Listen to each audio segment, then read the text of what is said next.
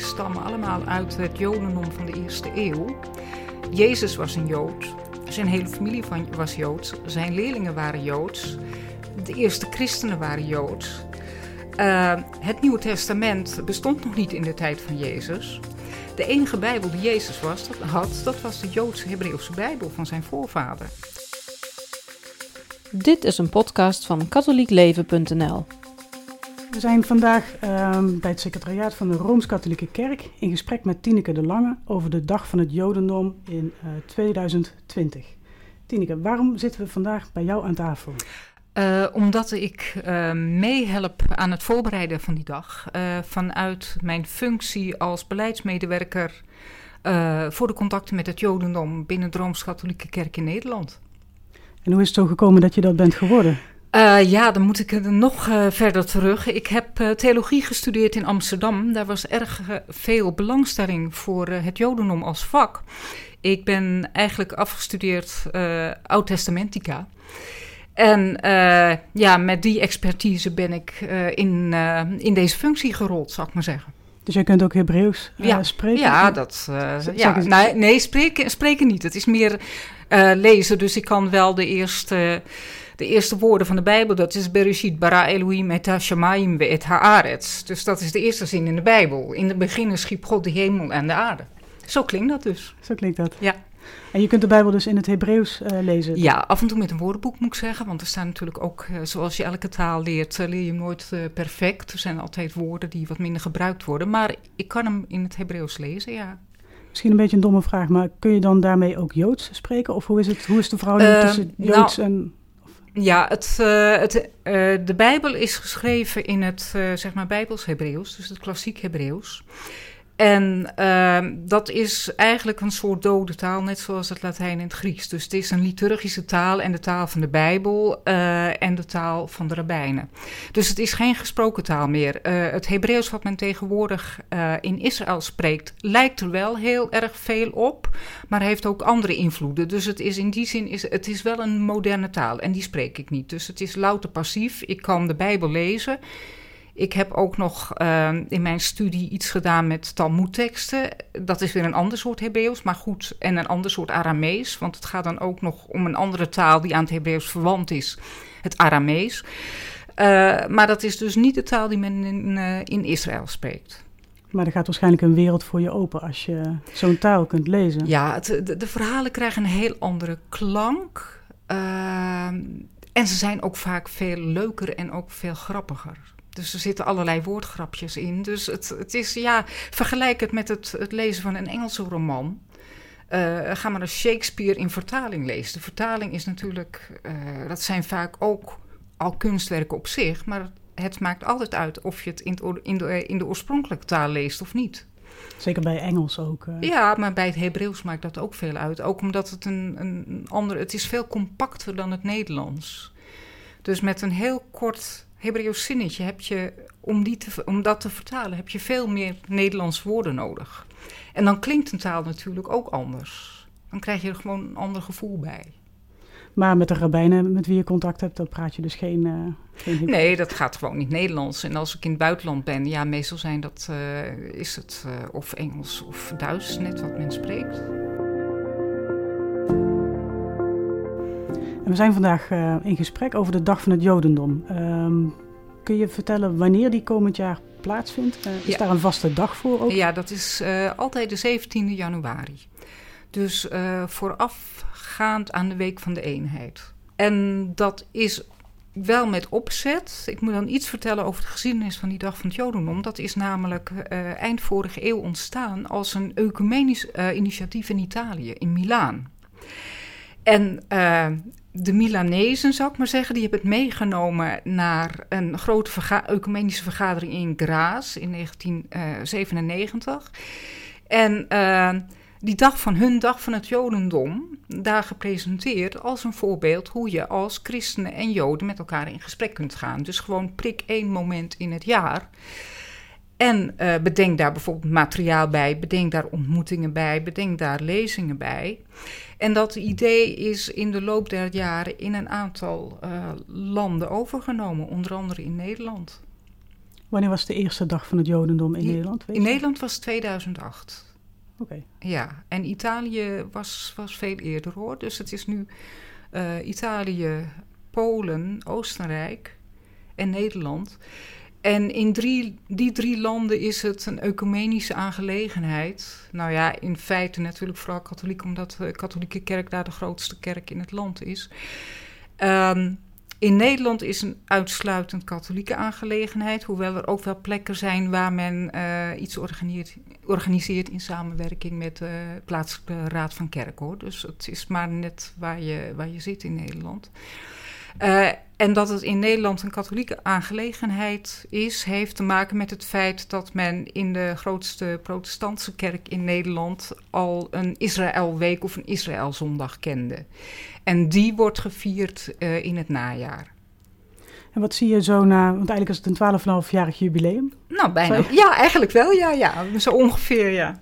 Wat zie je aan eh, vruchten van deze dag van het Jodendom? Ehm, wat je aan vruchten ziet, is dat eh, het in een aantal plaatsen in Nederland eh, een soort ja, vaste activiteit is geworden. Ehm, waar eh, mensen ook op rekenen.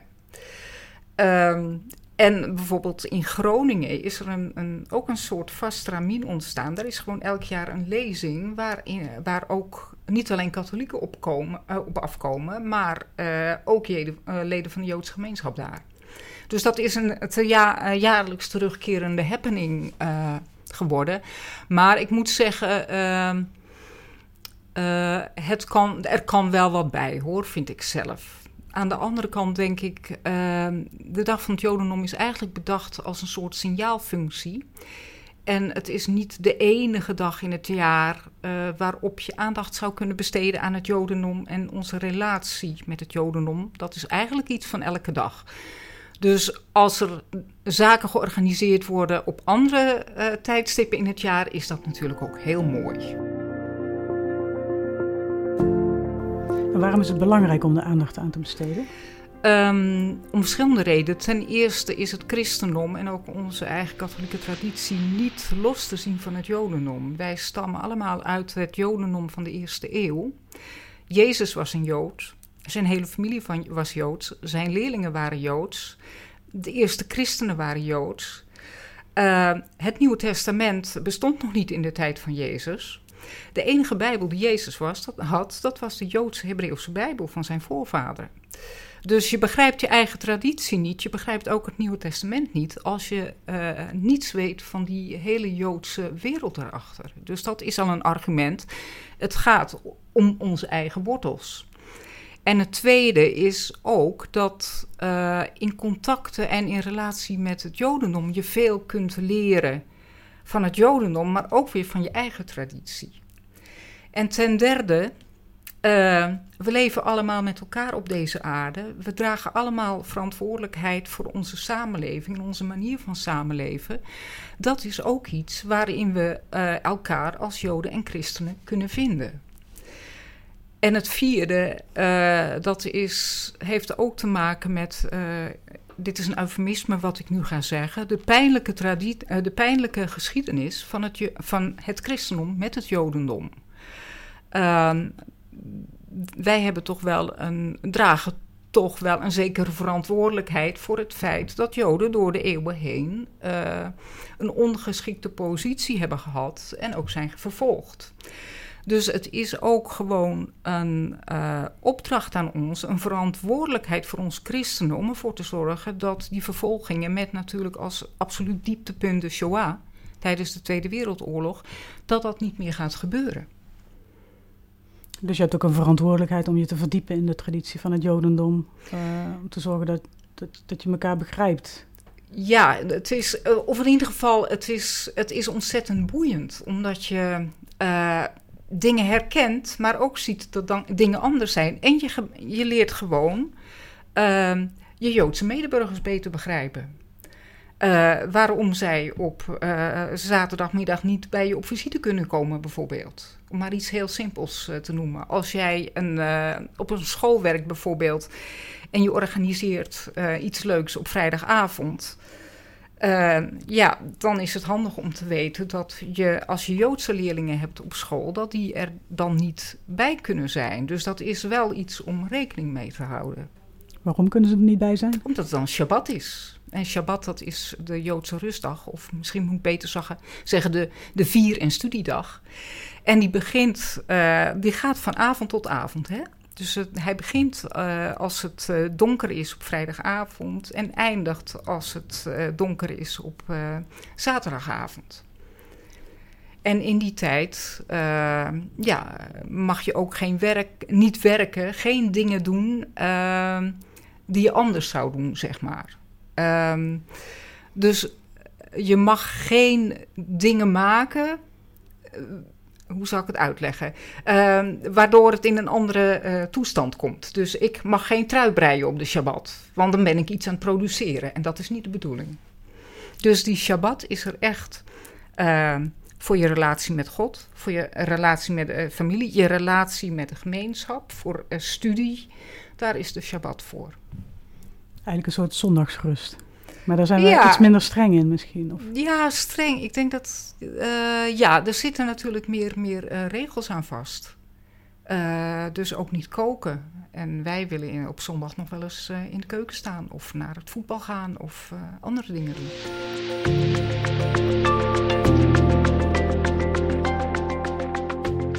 Elk jaar wordt er ook een bepaald thema gekozen. Hm? Uh, kun je vertellen wat het thema voor dit jaar is? Ja, dus voor 2020, 17 januari 2020, uh, staat vrijheid en bevrijding op het programma. Uh, en waarom we dat gekozen hebben, ja, het ligt voor de hand natuurlijk. Want uh, we vieren in Nederland, we herdenken in uh, Nederland nu 75 jaar bevrijding. maar ook 75 jaar vrijheid. Dus de bevrijding van, van het naziregime. Uh, maar het is ook voor het uh, comité 4 en 5 mei... Um, is het ook een soort reflectie op wat vrijheid nu betekent. En um, we mogen ons er ook van bewust zijn hoe fragiel die, die vrijheid is. Het, voor je het weet uh, is het omgekeerd in onvrijheid. Dat zien we natuurlijk in onze wereld regelmatig gebeuren. Dus het is ook een, een, moment waarop je kan nadenken: wat, wat betekent vrijheid en bevrijding eigenlijk ja, voor ons allemaal in dit land? En, uh, en wij maken aan, uh, als christen natuurlijk deel uit van, uh, van de samenleving. Dus daar gaan wij ook in mee. Dus het is een maatschappelijk thema? Het is een maatschappelijk thema, maar aan, aan, die the aan vrijheid en bevrijding zitten ook altijd levensbeschouwelijke, filosofische en religieuze kanten. Um, en voor christenen en joden in het bijzonder uh, toch het, dat mooie verhaal uh, van het verhaal van de bevrijding in onze cultuur en in onze godsdienst is toch het Exodus-verhaal. Dus daar, ja, als je dan bezig bent met uh, aansluiting zoeken bij het thema bevrijding en vrijheid, wat in Nederland breed opgepikt wordt, kom je gauw uit als uh, christen of als jood bij dat uh, verhaal van de Exodus, van de uittocht uit Egypte. Het is het verhaal van uh, het um, onderdrukte volk um, Israël. Dat moet eigenlijk nog een volk worden, dus dat zijn de nakomelingen van aartsvader Jacob en zijn zonen. Die wonen in Egypte en worden gebruikt, daar ingezet als, als slaaf. Dus zij zitten echt in de verdrukking. Uh, en dan is er een man, Mozes. Zijn, het verhaal over zijn geboorte. En uh, dat is ook al heel bijzonder. Uh, dat, uh, in de kinderbijbel heb je altijd Mozes in een biezenmandje. Maar Mozes wordt op een gegeven moment te vondeling gelegd. Omdat eh, de heerser van Egypte wil dat alle jongenskinderen dus uh, de jongensbaby's vermoord worden. En dan bedenkt de familie van Mozes een list zodat hij uh, gered wordt. Maar goed, uiteindelijk wordt Mozes uh, wordt dan de, door God teruggestuurd naar Egypte. Mozes heeft iemand vermoord als hij volwassen is geworden. Ehm, toen, en om de politie te ontvluchten, zal ik maar zeggen, is hij gevlucht. En nu geeft God hem de opdracht om terug te gaan naar Egypte en het volk uit Egypte te leiden. Namens God natuurlijk. Uh, en de farao die wil zijn uh, goedkope, hardwerkende slaven natuurlijk niet laten gaan. En pas na wat wij dan noemen de tien plagen van Egypte, uh, mogen de Israëlieten onder leiding van Mozes vertrekken. Uh, en ehm, ja, dan zijn ze vrij kort onderweg. En de farao krijgt spijt. Hij heeft het volk laten gaan. Maar nu is hij zijn gratis werkkrachten kwijt. Dus wat doet hij? Hij uh, roept zijn leger bij elkaar.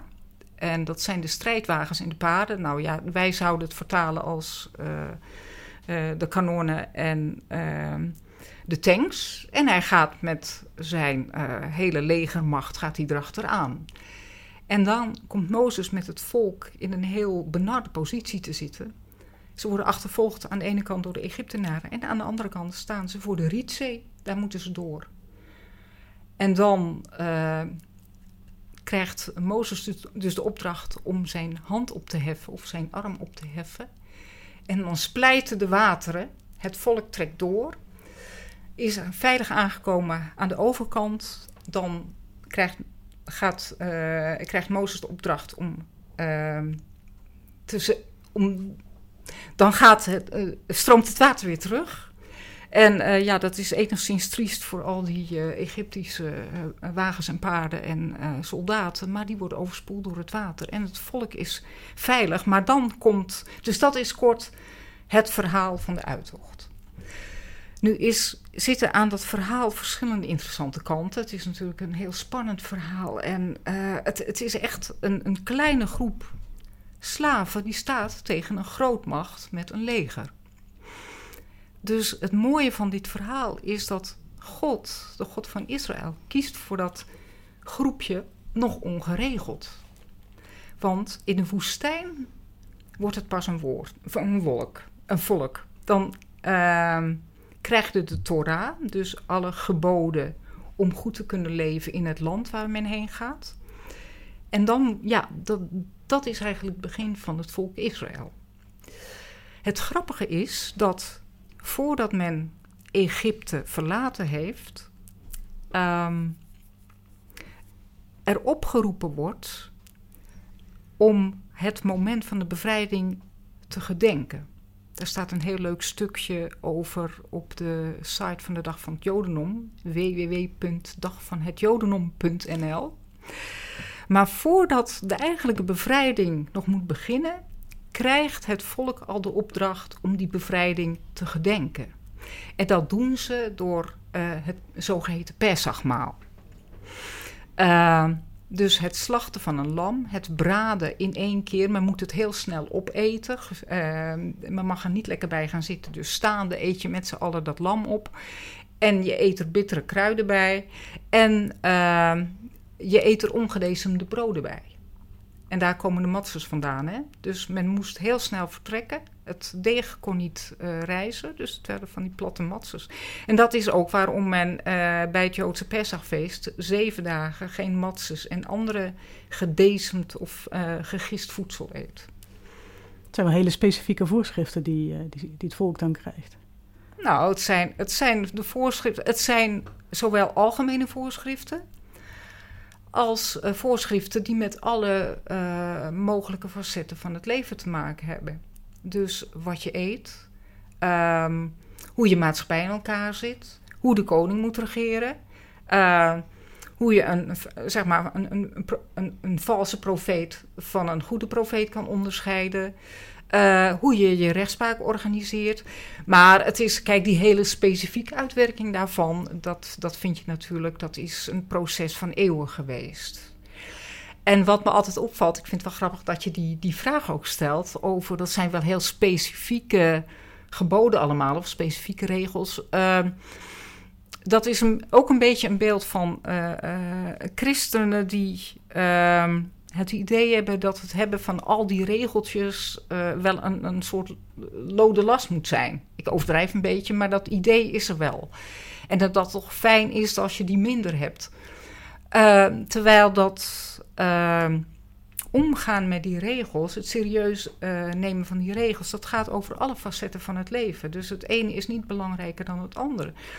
En dat hoort voor heel veel, in ieder geval religieuze uh, Joden, voor uh, de manier waarop zij in het leven staan. En, en ook een Joodse identiteit.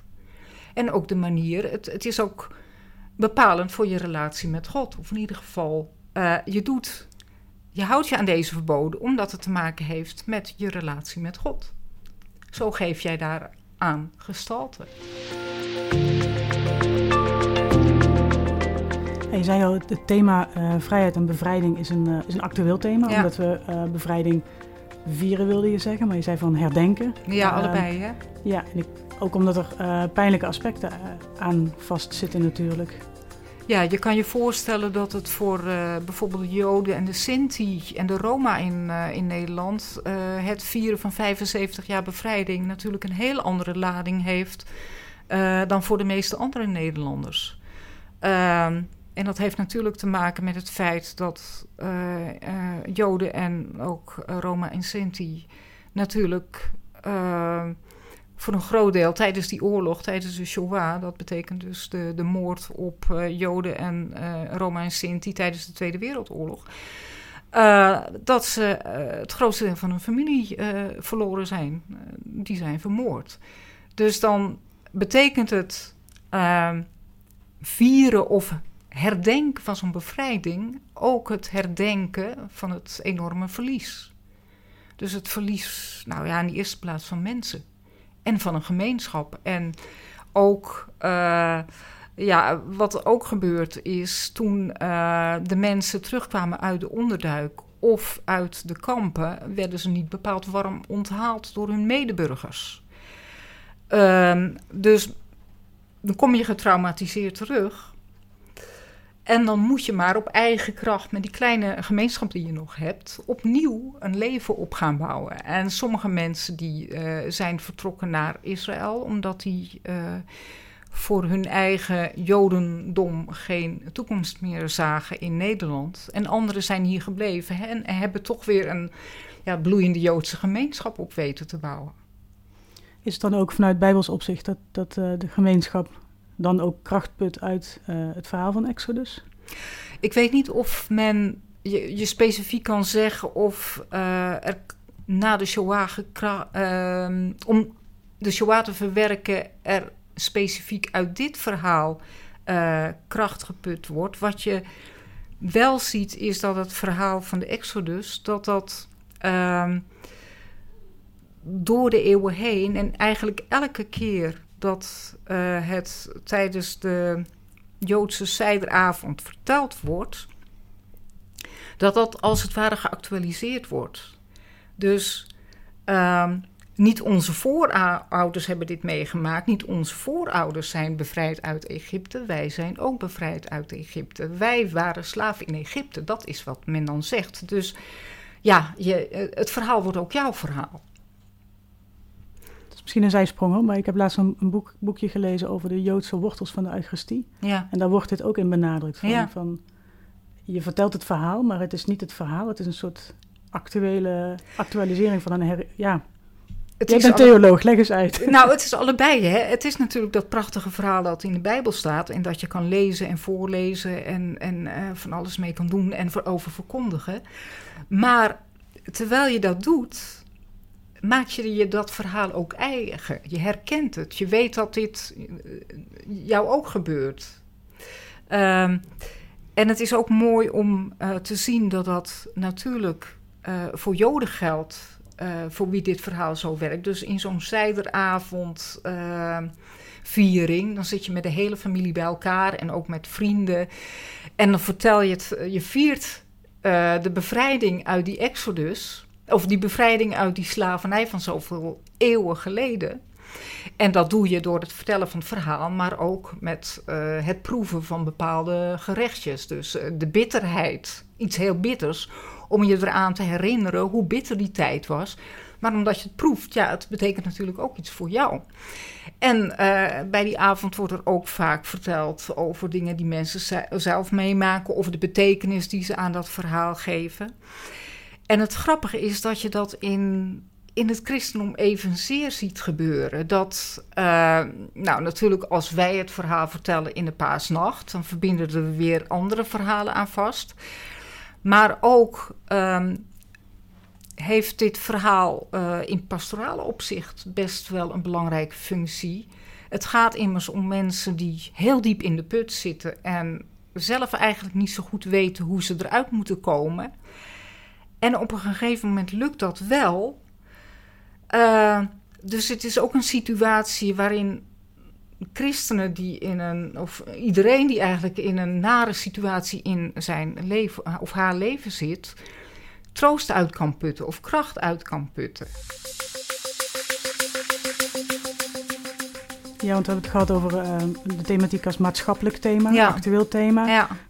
um, um, gelovig thema.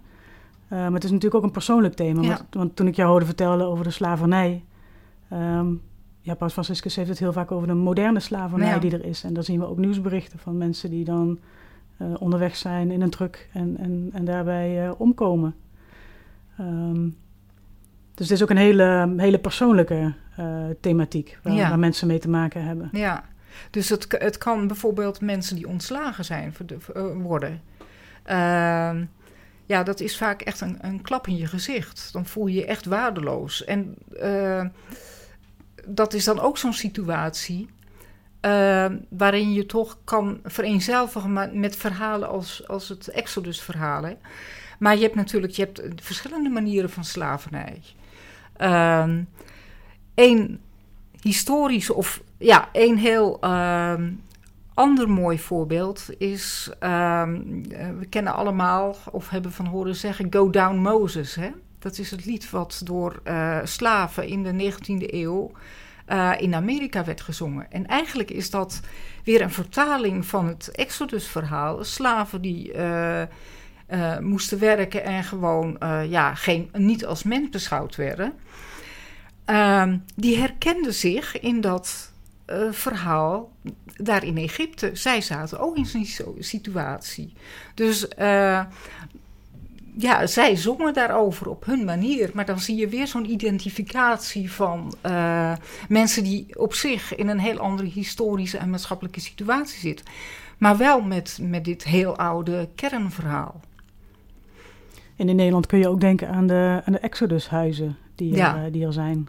Bijvoorbeeld, dat, dat is een, um, ja, een soort nou, opvang, is misschien, ik weet niet of dat het juiste woord is. Um, maar het, het, zijn wel plekken waar mensen die uh, uit de gevangenis uh, komen, dus in detentie hebben gezeten. Nou, als er één plek is waar je absoluut niet vrij voelt, dat is natuurlijk in de gevangenis. Uh, waarbij die weer aansluiting kunnen vinden en zoeken bij de maatschappij daarbuiten. En dat heet niet voor niks natuurlijk uh, een exodushuis. Dat heeft alles weer met dat uh, idee van bevrijding te maken en, en vrijheid. En hoe geef je daar gestalte aan als je eenmaal buiten staat? Want dat was net zozeer als het een vraag was voor het Joodse volk. Of het is, uh, toen men eenmaal aan de overkant in de woestijn stond en naar het land moest. Ja, wat betekent dat? Hoe doen wij dat? Hoe zorgen wij dat wij dat goed doen? En dat is natuurlijk eigenlijk ook de vraag in een situatie dat jij uit detentie komt. En je ook moet afvragen, ja, hoe, hoe moet ik mijn leven nu oppakken? En wie kan mij daarbij helpen? En wat heb ik allemaal nodig?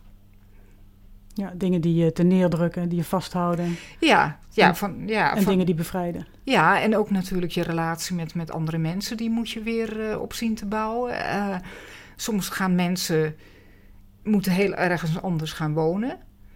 Ja, en dat zijn natuurlijk allemaal hele grote stappen waar je wel de nodige kracht en, en steun bij kunt gebruiken. Dus het is eigenlijk wel een heel rijk thema wat jullie hebben gekozen voor ja, het is, ja, ik zat vanmiddag in de trein en toen had ik weer allerlei andere associaties bij. Maar het is inderdaad natuurlijk een, een heel, rijk, uh, heel rijk thema. Wat heeft het jou persoonlijk zelf gebracht door uh, nu uh, vanwege deze dag met deze thematiek bezig te zijn? Nou, het grappige is, ik, ik, lees dat verhaal telkens weer anders. Hè? Ik vind het, ik vind het zo'n. Het is voor mij echt. Uh, het kernverhaal van de Bijbel. Meer nog dan het scheppingsverhaal. Uh, omdat het zo'n zo'n actueel verhaal is en blijft.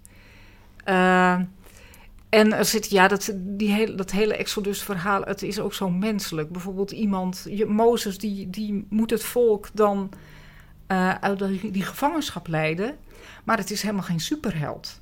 Mozes, die wil er, wil er helemaal niet aan. Die heeft er helemaal geen zin in, in die opdracht. En die zegt van ja, maar ik kom niet, kan niet uit mijn woorden komen. Nou, en die probeert het dus eigenlijk af te schuiven. En op een gegeven moment, dat is ook weer zo'n... Ja, als, je dat in het Hebreeuws leest, is het natuurlijk nog leuker. Maar op een gegeven moment wordt God toch wel een beetje moede van. Van dat, uh, dat, dat, dat wegdrijven van Mozes. En die zegt, oké, je hebt nog een broer en die gaat je wel helpen. Die praat wel voor je. Maar dat zijn ook van die aardige menselijke dingen die in zo'n verhaal En ook de twijfel van mensen die, die dan op weg gaan. En uh, ja, die klagen als het tegen zit.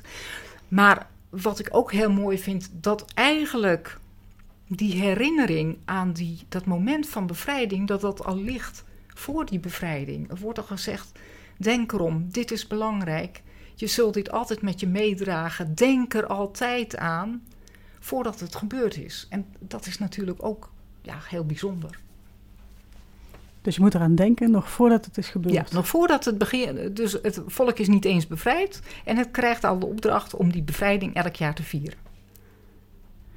Dus dat is eigenlijk voor um, bijvoorbeeld die slaven, die, uh, wat je zei, Go Down Moses. Ja. Die waren op dat moment nog niet vrij. Die waren nog niet vrij, nee. Die waren nog slaaf. En die zongen al over de bevrijding. Dus het is geen, niet, niet zozeer een succesverhaal dat goed afloopt, maar het is ook een verhaal voor de situaties van onvrijheid uh, om hoop te hebben. Ja, en sowieso, ja, succesverhalen in de Bijbel. Ja, het, is, het ja, zijn loopt... geen gewoon de succesverhalen. Ja, het loopt goed, maar het blijft, natuurlijk, blijft natuurlijk over mensen die ook struikelen. En zelfs de grootste figuren in de Bijbel, die zijn, hebben hun grote menselijke zwakheden.